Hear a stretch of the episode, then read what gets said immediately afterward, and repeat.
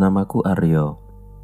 Aku mau menceritakan kejadian yang menurutku horor dan masih membuatku terngiang-ngiang, meskipun bukan aku sendiri yang mengalaminya. Kejadian ini terjadi di dekat rumah orang tuaku di daerah Cinere, Depok. Kejadiannya kalau tidak salah antara tahun 2002 sampai 2005. Jadi di dekat rumah orang tuaku ada sebuah tempat nongkrong lebih tepatnya warung tempat nongkrong angkot. Uniknya, warung ini berada tepat di tepi jalan raya dan berdampingan dengan rumah besar yang sudah lama kosong. Sampai sekarang, rumah itu masih kosong. Mungkin sudah lebih dari 20 tahun. Warung itu seperti sebuah kios kecil yang menjual rokok ketengan.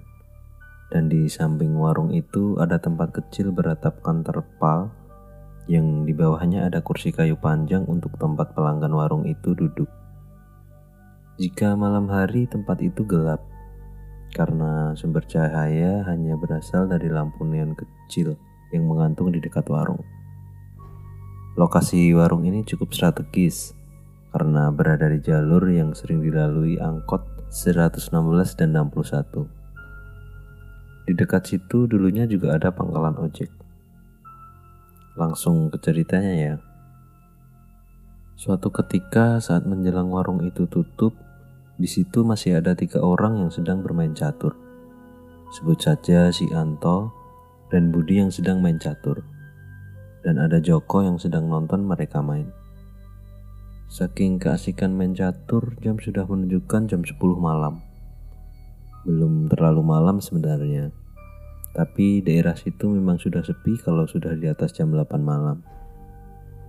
Ketika sedang asik main catur, mereka didatangi oleh seorang yang tidak dikenal. Karena penerangan yang minim, mereka mengira itu tukang ojek pangkalan yang biasanya mangkal di situ. Karena biasanya tukang ojek di situ suka ngopi juga di warung itu.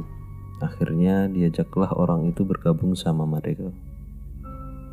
Begitu si orang ini duduk, belum sampai semenit, Joko yang sedang melihat Anto dan Budi bermain catur langsung pamit duluan. Pada saat itu, Anto dan Budi sedang serius-seriusnya bermain catur. Jadi kurang memperhatikan kenapa Joko mendadak pulang. Posisi duduk orang yang baru datang ini berada tepat di sebelah Anto. Saat Budi memperhatikan sosok orang yang duduk di sebelah Anto ini, Budi langsung teriak dan langsung lari meninggalkan tempat itu. Tahu apa yang dilihat Budi? Saat itu Budi melihat orang yang duduk di sebelah Anto itu adalah sosok laki-laki yang fisiknya mirip dengan Anto. Dari mukanya, badannya, bahkan semua ucapan si Anto juga ditiru orang itu. Jadi mereka itu seperti kembar dari kepala sampai kaki. Tidak tahu apalagi yang terjadi setelah kejadian itu, tapi paginya si Anto ditemukan pingsan di tengah lapangan bola di dekat warung itu. Menurut cerita yang beredar, Anto juga melihat kehadiran orang yang duduk di sampingnya itu. Dan dia juga kaget melihat penampilannya benar-benar sama persis seperti dia. Dia melihat penampilan orang itu memang mirip. Tapi setelah agak lama diperhatikan, Ternyata orang itu tidak ada mukanya.